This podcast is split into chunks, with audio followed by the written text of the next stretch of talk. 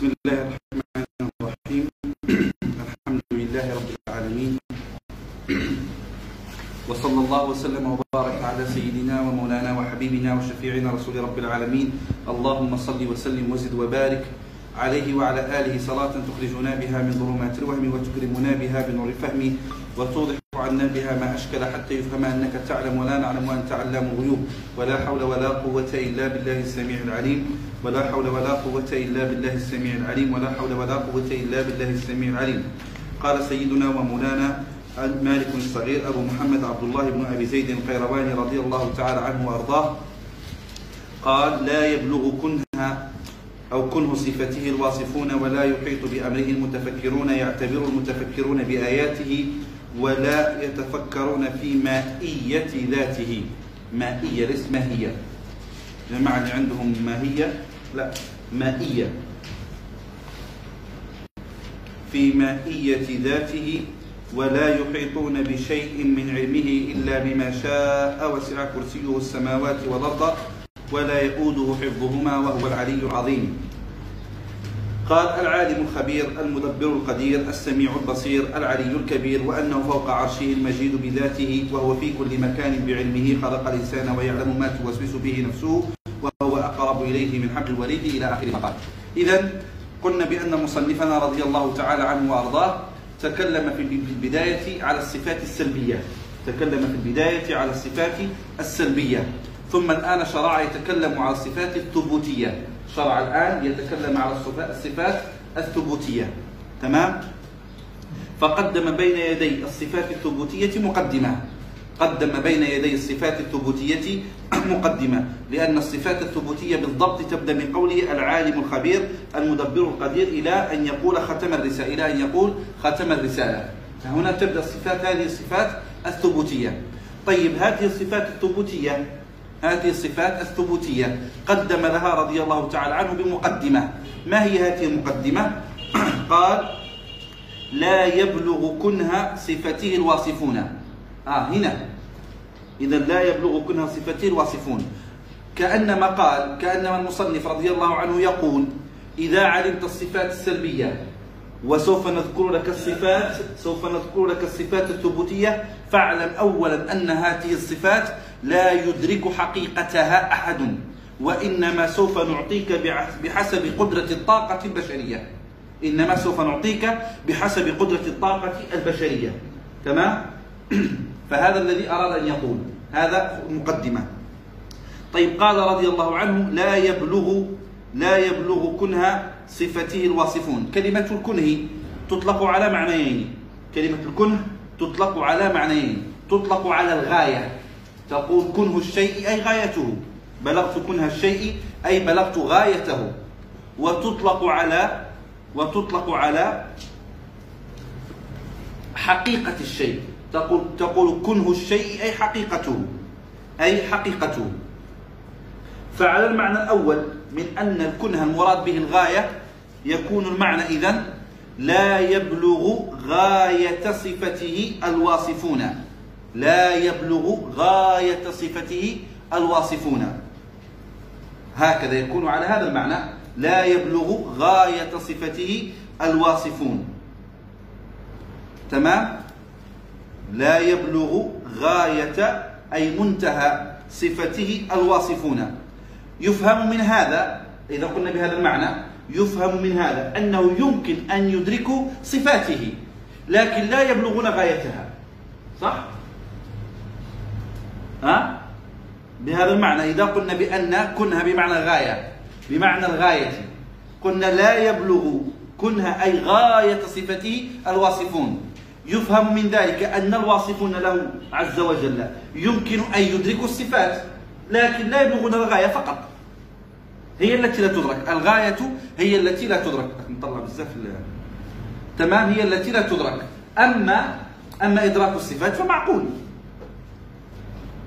فهمت الإشكال ولا لا؟ بماذا يجاب عن ذلك؟ أعيد الإشكال. قال لا يبلغ غاية على معنى أن الكنه هو الغاية.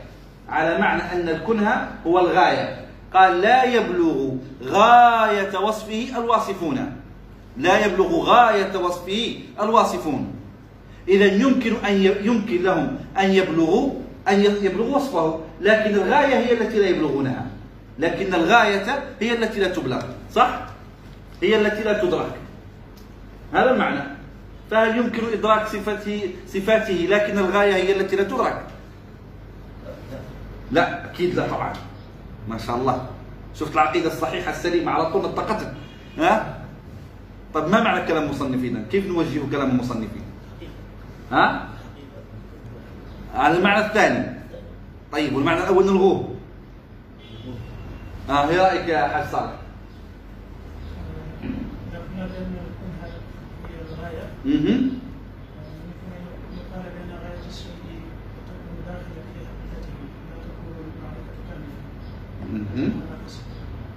وهذا مستحيل كذلك.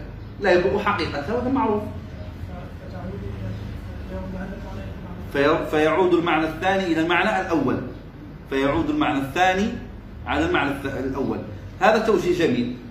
لكن قال إذا قلنا بأن الغاية غاية الشيء داخلة في حقيقته فلا تدرك حقيقة الشيء الشيء حتى تدرك غايته. فرد المعنى الأول إلى المعنى الثاني. فرد المعنى الأول إلى المعنى الثاني. وهذا توجيه. وهذا أحد التوجيهات. ووجهوا أيضا بأنهم قالوا ووجهوا أيضا بأنهم قالوا بمعنى أنه ماذا؟ كقول ماذا قال امرؤ القيس؟ ماذا قال امرؤ القيس؟ على لاحب إيه؟ آه نعم. على لاحب لا يهتدى بمناره. على لاحب لا يهتدى بمناره. امرؤ القيس عنده إذا سافه العود الديافي أو إيه؟ النباطي. ها آه جرجرة هذا بيت شعري. قال امرؤ القيس بيت شعري. ماذا قال؟ قال على لاحب لا يهتدى بمناره. ما معنى على لاحب لا يهتدى بمناره؟ أي قالوا لا لاحب له فيهتدى بمناره. لا لاحب له فيهتدى بمناره. فحملوا قول المصنف هنا على هذا المعنى. لا غاية لصفته فتبلغ. لا غاية لصفته فتبلغ. هذا التوجيه الثاني. إذا نعيد كلام. أعيد كلام صح؟ طيب. قال المصنف رضي الله تعالى عنه لا يبلغ كنه صفته الواصفون. لا يبلغ أي لا يدرك. لا يدرك لا يمكن أن يدرك كنه كلمة الكنه لها معنيان. المعنى الأول أنها ماذا؟ الغاية. والمعنى الثاني الحقيقة. على أن المراد هو الغاية نقع في إشكال. ما هو هذا الإشكال؟ أن المصنف رضي الله عنه يقر بإمكانية إدراك حقيقة الصفات أو إدراك شيء من الصفات لكن الغاية هي التي لا تدرك. لكن الغاية هي التي لا تدرك. وأجيب عن هذا بوجهين. الوجه الأول أن الغاية راجعة إلى حقيقة الشيء فرد المعنى الثاني إلى المعنى الأول. والوجه الثاني في الجواب أن قول المصنف هنا على نسق قول امرئ القيس امرئ القيس على لاحب على لاحب لا يهتدى بمناره أي لا لاحب له فيهتدى بمناره أي لا غاية لصفته فيهتدى لها. لا غاية لصفته فيبلغها البالغ. لا غاية أي لا منتهى لصفاته. هذا على هذا المعنى. وأما على المعنى الثاني من أن الكنه المراد به الحقيقة من أن المراد بالكنه هنا الحقيقة فالمعنى واضح. أي أنه أي أن الواصفون له الواصفون اسم فاعل من وصف يصف. وهو كل من كل من أضاف الصفة إلى الله. الواصف كل من أضاف صفة إلى الله فنسميه واصف. كل من أضاف الصفة إلى الله نقول عنه واصف. تمام؟ فلهذا نقول وصف نفسه سبحانه وتعالى. ووصفه نبيه. ووصفه خلقه فقال.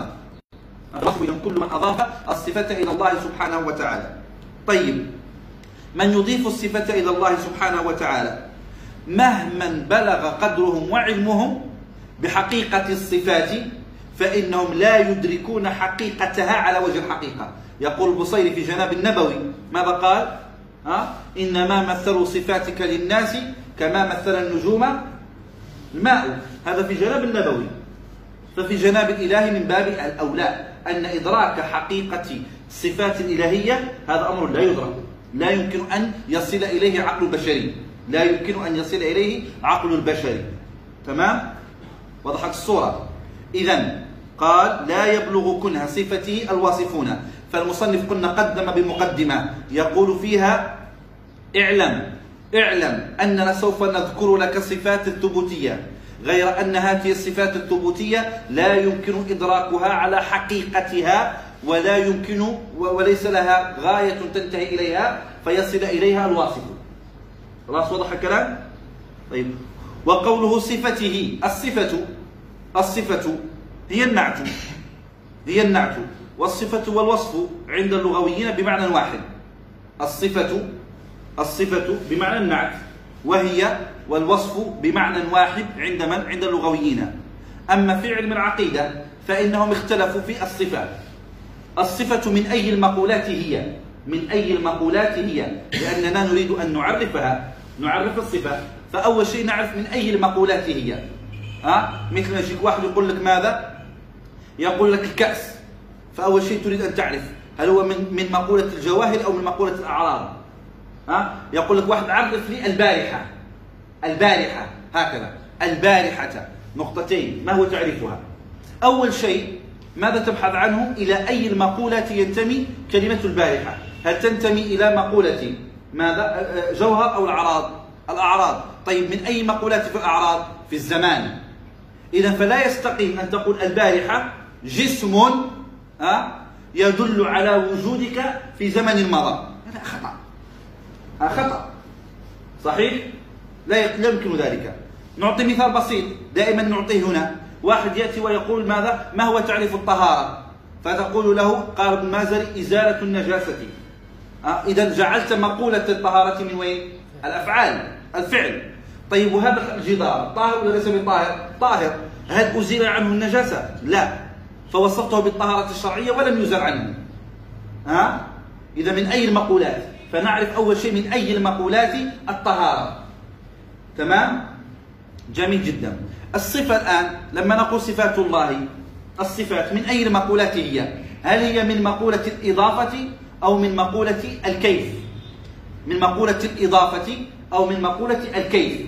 يعني كل ما أضيف إلى الله سبحانه وتعالى في كتابه أو على لسان نبيه فهو من باب الصفات. فهو إيه؟ صفة. فهو صفة. وجاء ربك والملك صفا صفا أضاف الله سبحانه وتعالى إلى نفسه المجيء فنصفه بالمجيء. أنه يجي. يأتي. تمام؟ أيضا قال ماذا؟ بل, يداه مبسوطتان. يد الله فوق أيديهم. أضاف اليد لله. فنصفه بأن له يد. تمام؟ وهو السميع العليم. وهو السميع. فأضاف إلى نفسه السمع وأضاف إلى نفسه العلم فنصفه بالسمع وبالعلم. فكل ما أضيف. هذا ما معناه؟ وضحت الصورة. طيب هذا إذا إذا قلنا أنه من مقولة الإضافة من مقولة الإضافة. تمام؟ وإذا قلنا أنه من مقولة الكيف فهو إذا ماذا؟ معنى من المعاني. معنى من المعاني. معنى من المعاني. طيب ما معنى من المعاني؟ لهذا قالوا هي ماذا؟ هو معنى قائم بالذات. هو المعنى القائم بالذات. لا ليس هو هي ولا هي غيره. لا يقال في صفات الله أنها هي هو ولا غيره. لا يقال هي هو ولا يقال غيره. تمام؟ وإنما نقول معنى قائم بالذات. معنى قائم بالذات. وضحت الصورة الآن جيدا. صار عندنا إذن تعريف الصفات. وهو بيت القصيد. وهو بيت القصيد. واحد يجيك يقول لك أنتم الأشاعرة تنكرون الصفات الخبرية. قولوا بالراحة علي خذني بالراحة شوية. تمام؟ خذني بالراحة. أنا ما قريتش عند فخر الدين الرازي كنت نحضر رسالة عن زهير بس. تمام؟ خذني بالراحة. الصفة الآن من أي المقولات يرحم والديك؟ بالله عليك. بالله عليك من أي المقولات قال لك من مقولة الكيف. فقل إذا إذا كانت مقولة الكيف فلا يستقيم أن تقول جاء ربك المجيء لأن جاء فعل ليس كيفا. أه؟ بل يداه مبسوطتان اليد أيضا ليست معنى من المعاني. فلا يستقيم إذا أن تكون صفات إلا على تأويل إلا على تأويل. آه إلا على تأويل. إذا قلنا بأنها من قبيل المعاني وإذا قلت أنها من قبيل الإضافات آه نعم. تقول هناك شيء اسمه الصفات الخبرية. هناك شيء اسمه إيه؟ الصفات الخبرية. وضح الكلام جيد؟ خلاص؟ طيب واحد يقول لي إيه؟ يقول لي طب ما شاء الله فهمنا يا سيدنا الشيخ. كلامك مع ما فيه؟ آه مع ما فيه. لأن الصفات في حقيقتها هي كذلك مضافة. إذا كانت من مقولة المعاني هي أيضا مضافة. ها؟ فشاركت الصفات الخبرية في كونها مضافة إلى الله. ما تقول السمع والعلم ها؟ فنرجع إلى كلام من؟ إلى كلام الإمام أبي بكر بن العربي. قال المضاف إلى الله عز وجل على ثلاثة أقسام. المضاف إلى الله عز وجل على ثلاثة أقسام. المضاف إلى الله إما إما أن يقتضي كمالا محضا. أبو بكر بن العربي يقول في العواصم من القواسم. المضاف إلى الله سبحانه وتعالى إما أن يقتضي كمالا محضا كالعلم والقدرة والإرادة. فقد أجمعت الأمة وجوب إثباته لله. وما يقتضي القسم الثاني يقتضي نقصا محضا كالنسيان. نسوا الله فنسيهم. ها؟ وكالمكر قال يمكرون ويمكر الله. وكالخديعة يخادعون الله وهو خادعهم. تمام؟ قال فهذه التي تقتضي النقص فالإجماع منعقد على تأويلها وحملها على غير المراد منها. تمام. قال وما تردد بين النقص والكمال فقد اختلف فيه العلماء. وما تردد بين النقص والكمال. مثل ماذا تردد بين النقص والكمال؟ مثل اليد اليد والرجل. هذه ترددت بين النقص والكمال. كيف ترددت بين النقص والكمال؟ كيف ترددت بين النقص والكمال؟ ها؟ إذا جاءك شخص شخص وعنده يدين وشخص وعنده يد واحدة ماذا تقول؟ هو مسكين هذا عنده يد واحدة فقط. ها؟ شوف فلان ما شاء الله. فترى بأن اليدين ماذا؟ تدلان على كمال فيه. صح؟ هذا الذي يدل. واحد آخر يقول لك لا. وجود اليدين دليل على افتقارك واحتياجك. لا تستطيع أن لا تستطيع أن تأكل من الطبق لولا وجود اليدين. فهي إذا علامة على افتقارك واحتياجك. فهي إذا ماذا؟ دالة على النقص وليست دالة على الكمال. فاختلف العلماء في اليد. هل هي تدل على النقص أو تدل على الكمال؟ تمام؟ فمن حملها على النقص؟ قال لا بد من حملها على معنى كامل في حقه سبحانه وتعالى. ومن حملها على الكمال على ماذا؟ على الكمال أبقاها كما هي وفوض مراد الله منها إليه. وضحت الصورة؟ طيب ثم ماذا يقول أبو بكر بن عربي؟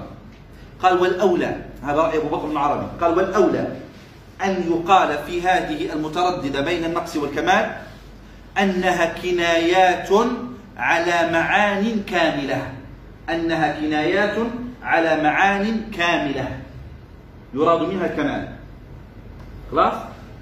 طيب. قال يراد منها أنها كنايات على معاني كاملة. وضحت الصورة جيدة في الصفات الآن. خلاص؟ طيب. لهذا قلت في البداية الواصفون هم من أضافوا الصفة إلى الله سواء كانت الصفة بمعنى من مقولة الإضافة أو كانت الصفة من مقولة المعاني الكيفيات. ففي كل الأحوال حينما تتكلم وتنطق بها فأنت تضيفها إلى الموصوف تضيفها إلى الموصوف. فتقول فلان متصف بالعلم علم زيد علم عمرو يد عمرو. وضح الكلام؟ طيب. فقال إذا لا يبلغ كنه صفته الواصفون. أي ويجب على الإنسان أن يعتقد أن الله عز وجل متصف بصفات لا نهاية لكمالها. لا نهاية لكمالها. ولا غاية لحقيقتها. ولا غاية لحقيقتها. تمام؟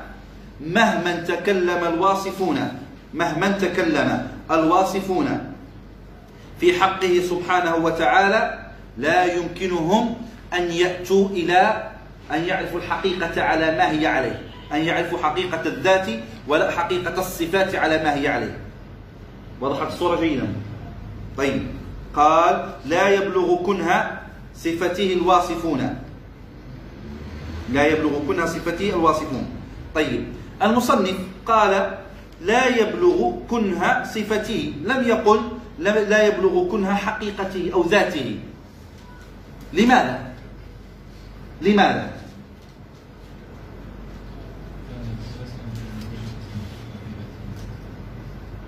لا إحنا مش لا يجوز لا يجوز. الآن في العقيدة. قال لا يبلغ كنها صفته طب هو تكلم على الصفات والذات. هنا ترجع لمعنى الكون.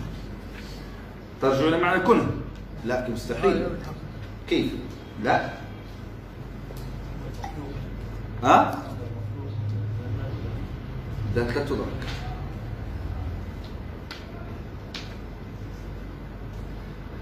الشراح لهم توجيهان.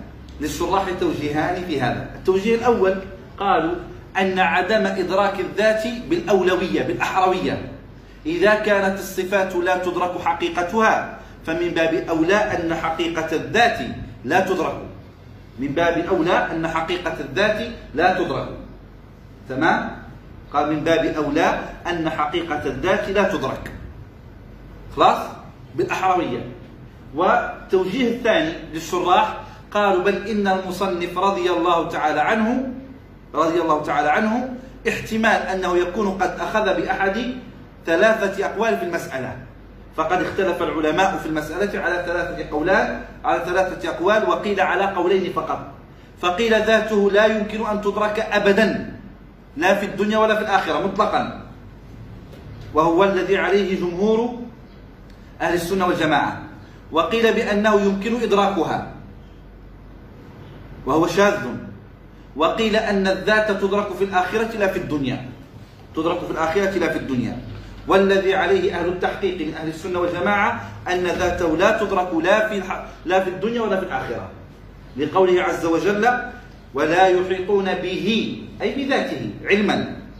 أه؟ لا تدركه الأبصار وهو يدرك الأبصار. وهو يدرك الأبصار. ويقول سيدنا سيدنا أبو بكر الصديق رضي الله عنه ماذا قال؟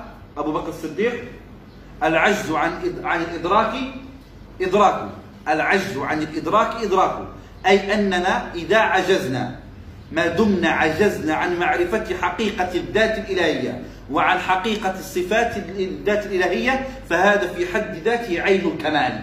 لأنك لو وصلت إلى إدراكها تصورتها فيدل على أنها يمكن التصور فهي إذا سهلة.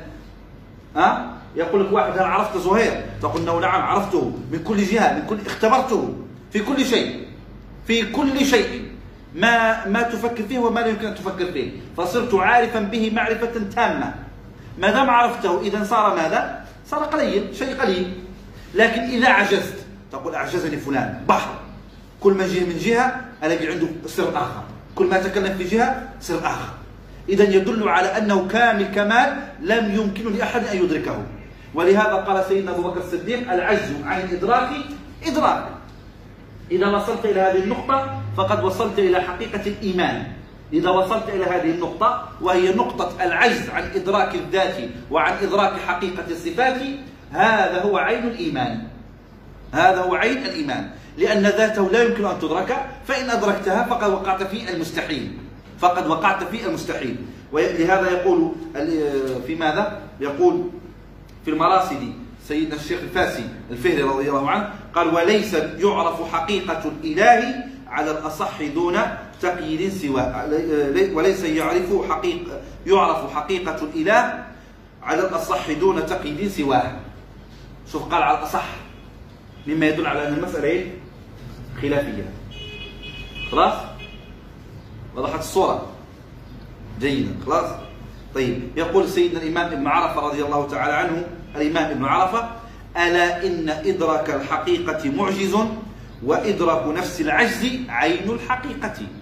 ألا إن إدراك الحقيقة معجز. صعب شيء من طلب المستحيل. وإدراك نفس العجز عين الحقيقة.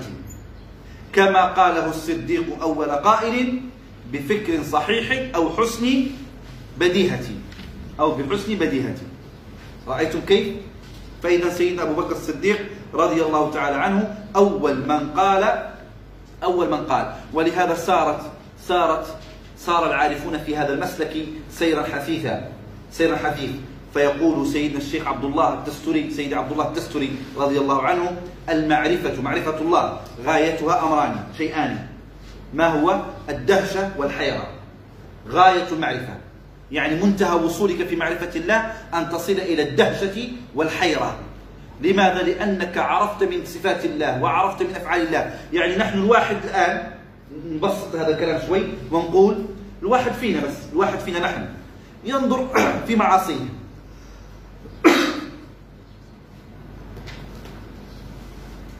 ينظر في ماذا؟ ينظر في معاصي. بل بلاش نبدا في نفسه نبدأ من جهة أخرى. ينظر في معاصي الناس. وينظر في التبرج. النساء المتبرجات. فيقول سبحان الحليم. شوف التبرج. الزنا اللواط الخمر ماذا؟ الربا. منتشر. سبحان الحليم. شوف يصل عقلك إلى أن الحلم عند الله عجيب. ثم إذا هدأت ونظرت في نفسك أنت. في نفسك أنت.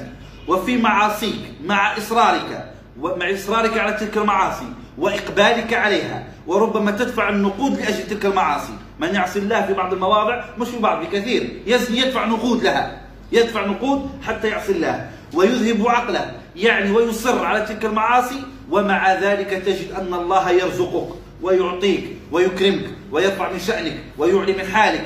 ويذكرك الناس بخير ويسترك.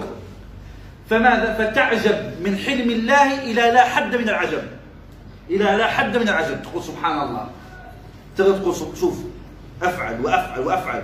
سبحان وما زال يسترني ويعطيني ويطعمني ويكرمني ويرفع شأني. والناس يقولون للشيخ يقولون فلان يا علان اجلس اتفضل. الكلام جيد. لو نظر. لو كشف الله حجاب ستره لصار الناس يلعنونني كلهم. إذا يصل بك ماذا؟ العجب والتعجب إلى الدهشة والحيرة من حلم الله. الدهشة والحيرة من حلم الله. لما تنظر المجتمعات تقف عند البحر وتشوف هذا البحر لو أمره الله سبحانه وتعالى أن يتحرك فقط لو قال تحرك 2 متر بس تطلع 2 متر ماذا؟ يعني 100 متر. الناس عند البحر. يسكرون ويزنون. ويتعاطون المخدرات وكل مع ويسبون الله. شوف هذا كله. فيصل بك. شوف وترى السبب في إهلاكهم أمامك. لو أراد الله لقال كن. مش كثير. مش تمشي تسونامي. لا ما تحركش بحر تسونامي. تحرك بس إيه؟ اطلع ارتفع. ماذا؟ مترين. وامشي 100 متر قدام. يصل بك العجب من حلم الله إلى الدهشة والحيره هذه بس صفة ماذا؟ صفة الحلم. صفة الحلم. وانظر وانظر إلى أكثر من ذلك. كل شيء القدرة القدرة. تنظر إلى الإرادة تنظر إلى ماذا؟ إلى كل صفات الله يبدأ يصل تصل فيه وتنظر فيها وتجليها في الوجود وفي نفسك إلى أن تصل إلى الدهشة والحيرة. فهذا هو عين الحقيقة كما قال ابن عرفة.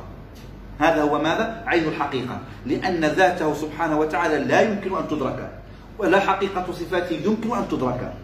فإذا إذا وصلت إلى العجز وإلى الدهشة وإلى الحيرة فاعلم أنك قد وصلت إلى ماذا؟ إلى غاية. ويقول سيدنا ذنون المصري رضي الله عنه قال ماذا؟ قال أعرف الناس بالله. لما سئل من أعرف الناس بالله؟ ما قال؟ اللي يحفظ ابن عاشر ويحفظ الرسالة ويحفظ خريدة ويحفظ معه شيء. لا ما قالش الكلام هذا. ها؟ قال أشدهم فيه تحيرا. أشدهم فيه تحيرا. يعني ماذا؟ نظر في حقيقة الصفات. فوصل به وبدأ ينظر وينظر وينظر وينظر إلى وصل إلى أن حقيقتها لا يمكن أن تدرك. إذا لا يمكن أن تدرك. يعني في قدرة وعلم الله بخلقه. يعني تشوف أنت الأشياء الضخمة هذه.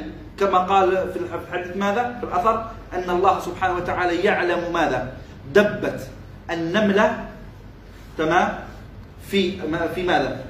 داخل الحجرة الصماء في الليلة الظلماء في الليلة الظلماء ويصلها رزقها وتعيش وتنظر وكل شيء. والإنسان لا يحتاج لا يحتاج إلى أن ينظر كثير. بل في نفسكم بس وفي أنفسكم فلا تبصرون. شوف نفسك. أحوالك تدبر. كلنا تحصل لنا هذه الأحوال. أحيانا تكون ليس عندك ولا جنيه.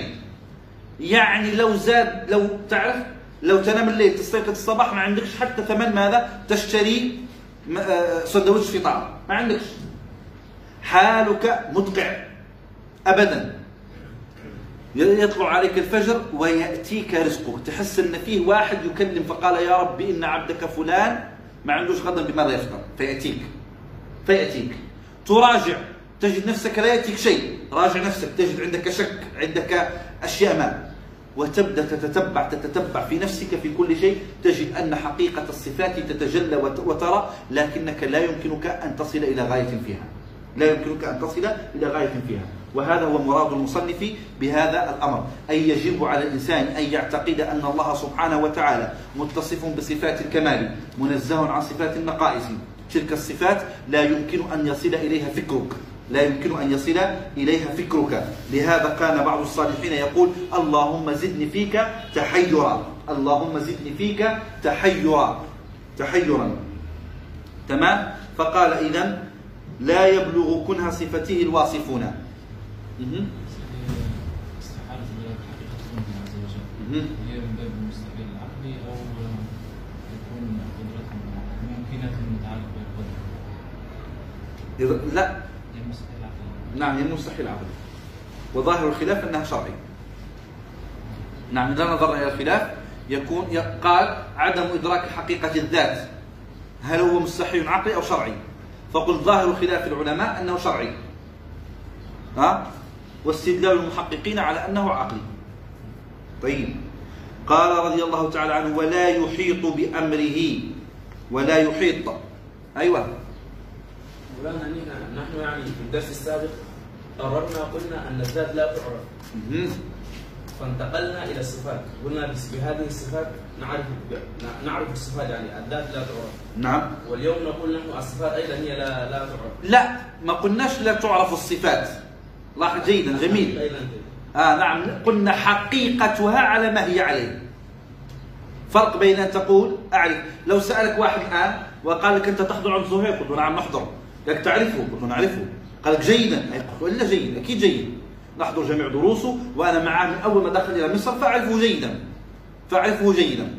تمام؟ فإذا به أخرج لك شيئا من صفاته من صفات زهير أنت لا تعرفها. فتقول له نعم أنا أعرف. أعرف الصفة زهير معرفة يعني إجمالية. لكن على حقيقة ذاته هذا لا ما أعرفه. أنا ما ولدت معه ولا تربيت معه ولا عشت معه ولا تنقلت معه. تمام؟ ولهذا قالوا قديما قالوا قديما لما قال أتعرف فلانا؟ قال نعم أعرفه. قال هل سافرت معه؟ قال لا. قال هل صهرته؟ قال لا. قال هل شاركته؟ يعني بينكم مال؟ قال لا. قال إذا لا تعرفه. شوف الأول بماذا أجاب. بأن هناك معرفة ما تحصل وأن هناك إدراكا لحقيقة الحقيقة هي ماذا هي التي لا يمكن. فهمت الفرق بينهما؟ بمعنى آخر ماذا؟ أيضا بعض العلماء ماذا قال؟ قال نحن نعطي تعاريف تعاريف لصفات الإله من باب من باب تصورها تصورا يميزها فقط يميزها فقط. لكن إدراك غاياتها ومنتهاها هذا في في غير قدرة الطاقة البشرية. ومولانا نحن مثلا في المسألة الإرادة أو القدرة والعلم. نقول العلم يعني ينكشف به المعلوم على ما هو به. والإرادة والإرادة نقول هي يعني تخصص. نعم صحيح. والقدرة الإيجاد والإعلام. تمام. هذه النسب ماذا أسميها؟ هذه الآن هذه نسب تعريفية لنا حتى نستطيع أن نميز الفرق بين القدرة وبين الإرادة. تمام؟ لكن حقيقة قدرة الله لا أحد يستطيع. يعني شوف أنت الآن نحن أحيانا في المسلمين نقول شفت قدرة الله تسونامي. تسونا الآن أيام كورونا أول ما بدأت كورونا في السنة الماضية. بعض الناس صار يقول رأيت قدرة الله. يعني ذويبة لا ترى بالعين المجردة. أوقفت حركة العالم. قدرة الله.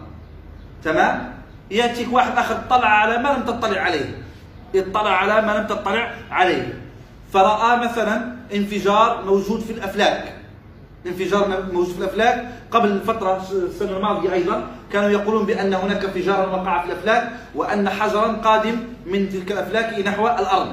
حتى صاروا يقولون ممكن الأرض ستنفجر وما أعرفش إيه وجاءت في مدة 24 ساعة. يعني كل مواقع التواصل الاجتماعي تتكلم على قرب هذا الحجر من ماذا؟ من شوف أنت ماذا قلنا؟ قلنا انظر إلى قدرة الله. هذه أكثر من من دويبة. شيء حتى لا نصل إليه حتى بال- بال- بال- بالتلسكوب. ثم رأينا ماذا؟ كيف إن- ماذا؟ سارت تلك الحجرة من ذلك الانفجار في عكس لما قربت من الأرض سارت إلى اتجاه آخر. سارت إلى اتجاه آخر. قلنا انظر إلى عجائب عجائب قدرة الله. هل ترى بأنك تزيد؟ تزيد. يعني كل مره كل مرة يزيد إدراكك إلى أن قدرة الله أكثر بكثير. أكثر بكثير.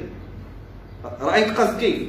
في الأول كنت ترى بأنها قدرة الله في أننا أنه غير شيئا ما ثم صرت ترى أكثر من ذلك. ثم صرت ترى أكثر من ذلك. ترى أكثر من ذلك. إذا أنت عاجز عن إدراك حقيقة القدرة وما ماذا آه، وما ماذا تع- متعلقاتها. لكن من باب تمييزها عن الإرادة تمييزها عن كذا فنعرفها ونعرف ما معانيها. خلاص؟ اتضحت بالتمييز. كويس. قال رضي الله تعالى عنه ولا يحيط بأمره المتفكرون. الإحاطة بالشيء هي أن يؤتى من جميع الجهات. أن يؤتى إليه من جميع الجهات. أن يؤتى إليه من جميع الجهات. والمراد بالإحاطة هنا أنه يمكن الاطلاع يمكن الاطلاع بكل من كل الجهات بأوامره بأمره الأمر قلنا ماذا؟ يطلق على شيئين ما هما؟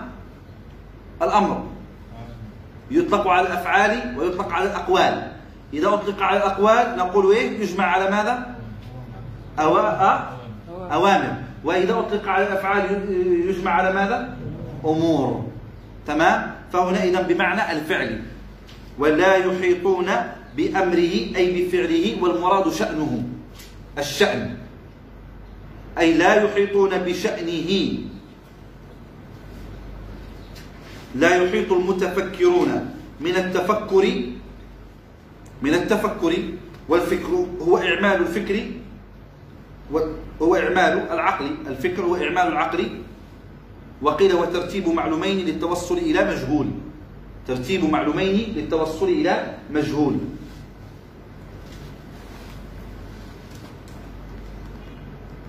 فإذا قال رضي الله تعالى عنه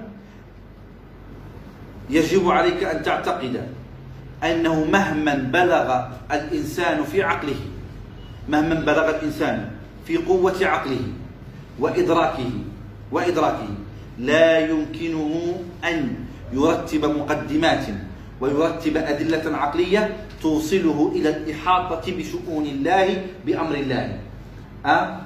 لا يمكنه أن يصل إلى هذه الدرجة لا يمكنه أن يصل إلى هذا الأمر. يعني نحن دائما نقول ماذا؟ لا نعرف غدا ماذا سيكون. لا نعرف غدا ماذا سيكون. لهذا تجدون أصحاب العلوم المستقبلية الدراسات المستقبلية يقولون يتوقع يتوقع يتوقع يتوقع. صح؟ هذا واحد. طيب خلونا نرجع قبل سنتين. نرجع قبل سنتين. سنة 2019 2019 كانت التوقعات أن مثلا مجرد مثال مطار القاهرة الدولي ستنزل فيه في السنة ألو... في هذه السنة سنة 2020 كم؟ 10000 طائرة. وستقلع منه 10000 طائرة. هذا توقع. فلهذا يجب على دولة جمهورية مصر العربية أن توسع قليلا وأن تزيد من الموظفين خلال سنة 2020 بنسبة 5% كان من المتوقع من المتوقع أن أمريكا تنسحب من العراق تمام؟ وتعمل كذا وكذا. كان من المتوقع في سنة 2020 أن يحصل كذا وكذا لكن جاء أمر الله لأنه لا يحيط بأمر أحد فماذا؟ فلم يتحرك مطار سنة 2020 ولا طائرة لا من مطار القاهرة ولا مطار غيره في دول العالم ها؟ إلا ما رحم ربك تمام؟ فالتوقعات كلها كانت على خلاف مراد الله فإذا مهما كانت الدراسات المستقبلية قوية وجيدة ورائعة تمام؟ وفيها بروفيسور متميز خاص بالدراسات المستقبلية. حتى تحس بأنه نظر في المستقبل فحدد وعرف مواضع أقدام الناس فيها أحيانا. لكن أمر الله لا يحيط به أحد. قد يأتي ماذا؟ دويبة. إحنا كنا نقول قبل عشرين قبل ثلاث سنوات أو سنتين أنه في احتمال يكون في عندك هذا الأمر. ما فيش حاجة. ها؟ دبي عامله اكسبو 2020 10 سنوات خمس سنوات وهي تجهز لإكسبو 2020 على آخر المطاف اكسبو 2020 لم يكن متوقع. ظاهرة اقتصادية عالمية اكسبو هكذا اكسبو 2020 سنة 2020 طيب شوف أنت وبنايات وأشياء إلى آخره. لكن لو كانوا يحيطون بماذا؟ بأمر الله لعلموا وأيقنوا بأن الأمر محتمل فلن يقدموا على هذا الأمر. صحيح؟ اذا فاعلم وتيقن. هذا من العقيدة كذلك. من العقيدة. أحيانا تجلس مع بعض المحللين الدراسات المستقبلية. يعجبونك. يعجبونك. اعجابا كبيرا. وعندهم قدرات على التحليل الواقع والتنبؤ بالمستقبل بما لا يخطر على بالك. ويعجبونك. لكن السؤال بعد ذلك أين أنت كمسلم من هذا الكلام؟ أين أنت كمسلم من هذا الكلام؟ تمام؟ مش حنقول ماذا؟ انه النشرة الجوية التي تفعل على على التلفاز ويقول غدا سيهبط المطر غدا سيكون ما أعرفش إيه. قبل سنتين كان في يسمى ماذا؟ بالإعصار ماذا؟ اعصار إيه تنيني. لا لا أنتم ما كنتوش موجودين. بس وين؟ تنين أحمر. إعصار التنين الأحمر أو إعصار التنين وما اعرف إيه. فإيه؟ ما حدش يخرج من البيت. وأخذوا في مصر هنا إجازة ثلاث أيام. احتمال أن يكون هذا اعصار التنين يعني احتمال أن يقلب البلد كلها قلب. وكان سيكون في منطقة الشرق الأوسط. فكانت يعني احتياطات كلها. وجاء الإعصار جاء يوم الإعصار. جاء يوم الإعصار. وتفاجأنا بأنه شوية ريح فوق في السماء وصب شوية مطر. تمام. مناطقنا إحنا اللي هنا في البطنية والدراسة غرقنا شوية حقيقة يعني. لكن لو رحت شوية بس فوق في الدراسة ما بتغرقش أمر عادي. تمام. وبل حتى فكان توقعات كبيرة جدا كبيرة جدا توقعات كبيرة جدا لكن لا يحيطون به لا يحيط به المتفكرون. إذا مهما رتبت المقدمات هذه عقيدة المؤمن الآن مهما رتبت المقدمات ومهما وضعت الأدلة والبراهين على أنك سوف تعلم ما سيحصل من شأن الله سبحانه وتعالى فكذب نفسك فيه. واعلم أنه لا يستطيع إنسان مهما كانت قدرته العقلية أن يحيط بماذا؟ أن يحيط بأمر الله سبحانه وتعالى وشأنه.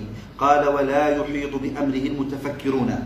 طيب ما دام لا يحيط المتفكرون بأمره فماذا يفعلون؟ ماذا يفعل المتفكرون؟ قال يعتبر المتفكرون بآياته. آياته أي علاماته. لأن الآيات جمع آية والمراد بها العلامة. والمراد بها العلامة. ويعتبر من الاعتبار وهو القياس. من الاعتبار وهو القياس. أي أنهم يقيسون ينظرون في العلامات فيقيسون بها يقيسون بها حقائق الأشياء. بمعنى ماذا؟ أن أن العقلاء المتفكرون لا ينظرون ولا يحاولون أن يحيطوا بكل شيء ولكن يعتبرون أن يصل إليهم العبرة. تصل إليهم العبرة وتصل إليهم ماذا؟ معرفة قدرة الله وقوته وشؤونه بالنظر إلى علاماته الأمثلة التي نأخذها قبل قليل هذه هي الاعتبار نظرنا نظرنا فيما صنعته الدول فيما صنعته بعض الدول من ماذا؟ من تجهيزات وتحضيرات وإلى سنة 2020 تمام؟ ثم جاء أمر الله على غير مرادهم وعلى غير تخطيطاتهم فانقلبت الدنيا هذه علامة على علامة كورونا علامة. علامة على ماذا؟ على أن الأمر ليس كما تخططون. على أن الأمر ليس كما تخططون. تمام؟ طيب فهذه من علامات الله. أيضا ينظر الإنسان في تقلب الليل والنهار. في تقلب الليل والنهار.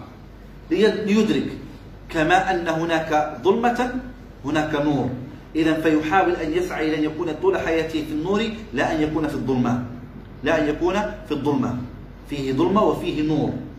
تمام؟ يسعى دائما إذا أن يكون في النور ولا يكون في الظلمة.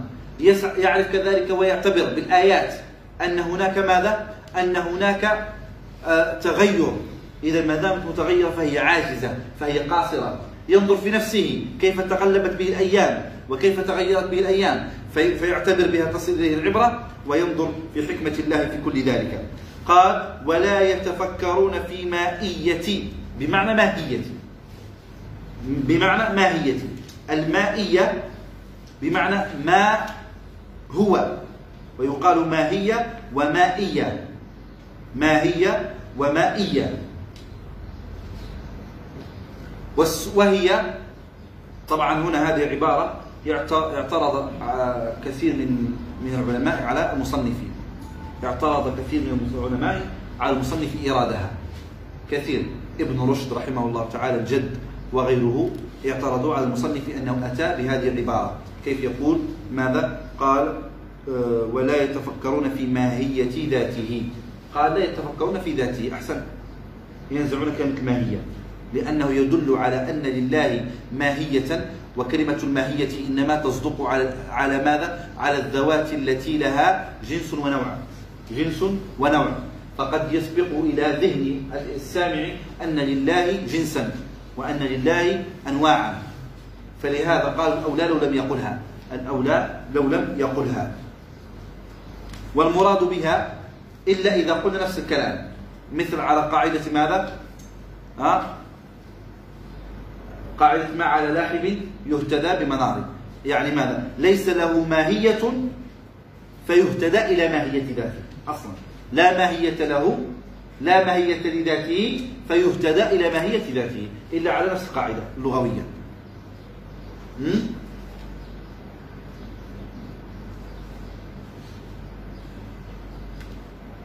قال رضي الله تعالى عنه ولا يتفكرون في ماهية ذاته أي أنه أي أن الإنسان إذا أدرك بأنه عاجز عن الإدراك إدراك الحقائق فإنه لا يطلب منه لا يطلب منه أن يحاول أن يبحث عن ما لا يبلغه عقله. لا يبلغه عقله. تمام؟ وإنما ينتقل إلى العلامات التي يستدل بها عليها فقط. وهي النظر في أفعاله سبحانه وتعالى. في النظر في أفعاله فلمحاولة الوصول إلى معرفة قدراته ومعرفة متعلقات صفاته. قال ولا يحيطون بشيء من علمه إلا بما شاء وسع كرسيه السماوات والأرض ولا يؤوده حفظهما وهو العلي العظيم. هذا طبعا من آية الكرسي من آية الكرسي. تمام؟ قال كأنما يستشهد الدليل على ما قلت أنه لا يحيطون أي البشر بشيء من علمه لا يستطيعون أن يدركوا كمال علمه إلا بما شاء إلا بما شاء. طيب كلمة العلم هنا إلا بما شاء. ركز. لا يحيطون بشيء من علمه إلا بما شاء. إذا ماذا؟ أن علم الله يمكن أن يحاط ببعده إذا شاء. ها؟ صح؟ مصيبة هذه. نعوذ لا إله إلا الله. واحد قال لا إله إلا الله محمد رسول الله. اللهم إنا اشهد أننا مسلمون. قالوا هنا العلم أطلق سبحانه وتعالى المصدر وأراد اسم المفعول أي المعلوم. لا يحيطون بشيء من معلوماته إلا بما شاء أي من معلوماته. أي من معلوماته. خلاص؟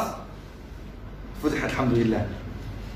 قال وسع كرسيه السماوات والأرض. الكرسي وسع كرسيه سبحانه وتعالى كرسيه السماوات والأرض. وسع كرسيه السماوات والأرض ولا يؤوده حفظهما وهو العلي العظيم. نسأل الله أن يعلمنا ما ينفعنا وينفعنا بما علمنا. إنه على ما يشاء قدير وبالإجابة جدير. ونعم المولى ونعم النصير. وصلى الله على سيدنا محمد وعلى آله